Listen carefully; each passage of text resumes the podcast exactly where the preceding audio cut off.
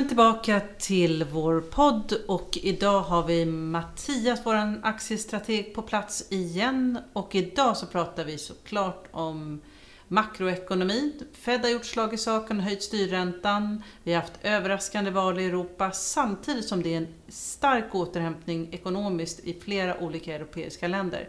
Mattias, välkommen! Är det här slutet på minusräntan? Ja, det tror jag att det är. Eh, och den eh, vändpunkten hade vi här någon gång för några veckor sedan, tror jag. Det finns lite olika teorier om det där. Det finns till och med något tror jag, som heter The Sintra Pact. För det var ett möte här i en ekonomförening eh, i Portugal för inte så länge sedan. Där ECB-chefen Draghi höll ett tal. Och runt precis det där mötet så känns det som alla centralbanker faktiskt har bestämt sig för att nu ska vi, som man uttrycker det, normalisera räntan. Vilket Man pratar om att trappa ner lite på QE och ja, ja, QE-programmen. Ja. Och jag tror att det, det som ligger närmast till hands är nog att man vill ta sig ur negativ ränta. Jag tror att många i, i Tyskland och så där är jätteobekväma med det. Och även i Sverige. Så att under den korta tid som har, som har gått sedan vi pratades vid senast så har Fed varit ute och höjt, precis som du sa. Och sagt också en plan för hur man ska börja krympa sin balansräkning. Eh, alltså in, krympa sina innehav, minska sina innehav av obligationer och sånt där. ECB har gjort en liten överraskande vändning och sagt att, eh, tagit bort en del såna här formuleringar om att man kanske ska sänka räntan igen och sådär. Utan snarare lutar åt, att, åt andra hållet. Bank of England överraskade alla med något liknande och antydde till och med att man kanske skulle behöva höja räntan framöver. Och Riksbanken har tagit ett pyttelitet steg i den riktningen också. Genom att ta bort ja, det som kallas för negativ bias i räntebanan. Alltså att man, man, man, man, man, man signalerar inte längre möjligheten för några räntesänkningar. För den svenska Riksbanken, de valde ju faktiskt, trots att ekonomin, den svenska ekonomin går på högvarv, att ligga kvar. Att, att ha styrräntan oförändrad. Ja, men det beror ju på att inflationen är för låg. Och detta har ju varit ett dilemma för centralbankerna hela vägen då. Att eh, återhämtningen har rullat på och rullat på. Ibland har den rullat på långsamt och ibland har den rullat på snabbare. Men i många ekonomier nu så är man ju, har man ett ganska högt kapacitetsutnyttjande, eller alltså en väldigt låg arbetslöshet. Så i det här läget, historiskt, så har ju inflationen börjat ta fart. Men då är problemet, inom citationstecken, förr var det inte denna problem, men nu tycker vi att det är ett problem, eh, att inflationen inte har tagit någon fart. Och därför så har ju flera centralbanker stått här. Liksom, ja men herregud nu i USA är arbetslösheten nere på 4,3 procent. I Sverige är den också ganska låg faktiskt bland, bland stora grupper. Och ändå är det ingen löneinflation och ingen inflation att tala om. Eller i alla fall inte så mycket inflation som man vill ha. De flesta vill ha det är lönerna som driver inflation. Ja, i slutändan så är det det. Du kan inte få liksom inflation på riktigt så att säga om du inte har någon slags löneinflation. Så då står alla där och så tänker de, jaha, ska vi fortsätta trycka gasen i botten då?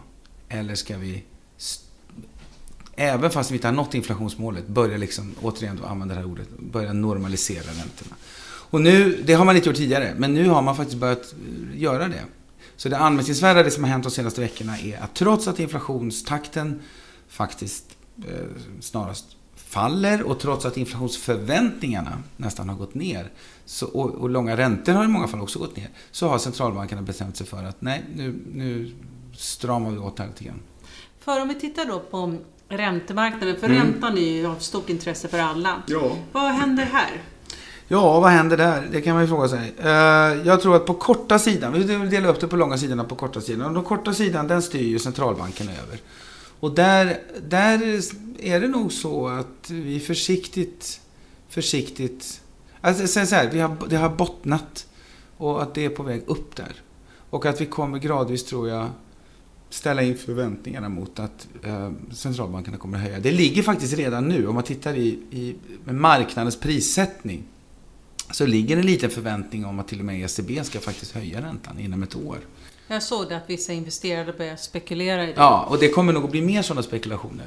Men inte för fort då, för, och inte för mycket spekulationer, för då kommer centralbankerna att säga att nej, nej, nej, det var inte det vi menade. Och det var exakt det som hände här för några veckor Först var Draghi ute och så sa han, alltså ECBs chef var ute och sa att det ser jättebra ut och antydde liksom att vi kan minska på de här grejerna. Och då så kom förväntningarna igång om ränt, högre räntor och så stärktes euron och då så gick ECB ut och sa nej, nej, nej, det var inte så vi menade. Fast det var ju naturligtvis det de menade. Så det här kommer att vara ett sånt här spel fram och tillbaka nu. Man kommer att slänga ut testballonger och så kommer man att förneka och så kommer man hålla på sådär fram och tillbaka. Men räntebotten, den nådde vi nog här i våras. Och nu, nu är det liksom på väg lite uppåt. Men det är den korta sidan. Vad som händer på den långa sidan däremot, det är ju mer att det, det, det, är lite svårare. Jag tror att på kort sikt så går långa räntorna upp lite grann. Och kom ihåg nu, nu har vi ju massor med duktiga räntemänniskor i banken, så det här är min egen uppfattning. Men jag tror att på kort sikt så kommer långa räntor att gå upp lite grann. De är ju väldigt, väldigt låga idag. Så säg att långa räntor i Europa kanske går upp från en halv till en procent eller något sånt där, eller en och en halv. Och i USA kanske de kan gå upp till två och en halv eller tre till och med. Men så mycket mer än så tror jag inte att det blir. För om vi tittar just på det här lågräntemiljön, det ja. gör ju så att, eller det påför ju att börsvärdet går upp och fastigheters priser går upp. Ja. Ja, det är ju två saker med räntan. Eh, rent sådär matematiskt så kan man säga att då ska man ju värdera en, en tillgång som är aktie eller en fastighet till ett hög, högre då. Därför att eh, avkastningen på aktien eller på fastigheten blir så att säga mer, relativt mer attraktivt jämfört med en obligation. Så det är ju en sak. Men man ska också komma ihåg då att räntan har ju varit så låg av ett skäl. Och skälet är ju att det har varit mm, halvbra tillväxt och nästan ingen inflation. Så om vi tar tillgångslaget aktier, jag tror vi har pratat om det här förut.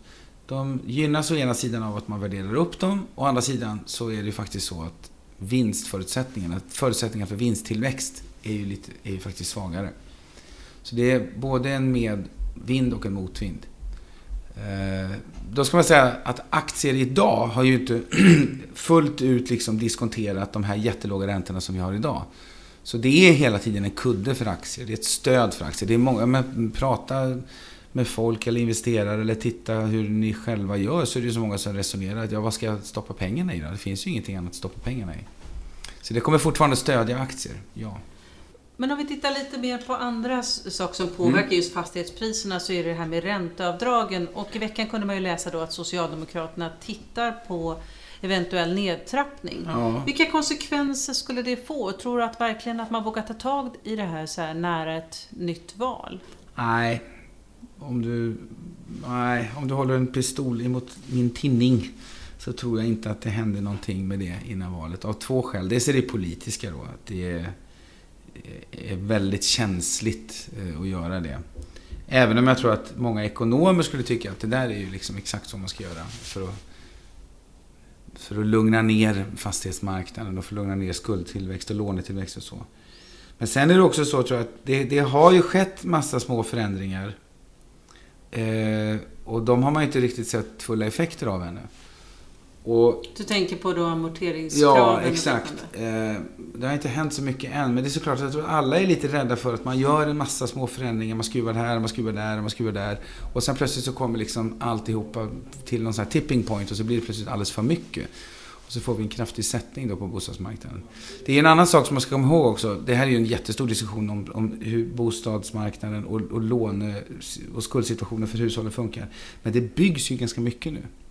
Så det finns en diskussion om att nästa år så kommer utbud att eh, möta eller kanske till och med överstiga efterfrågan i många städer.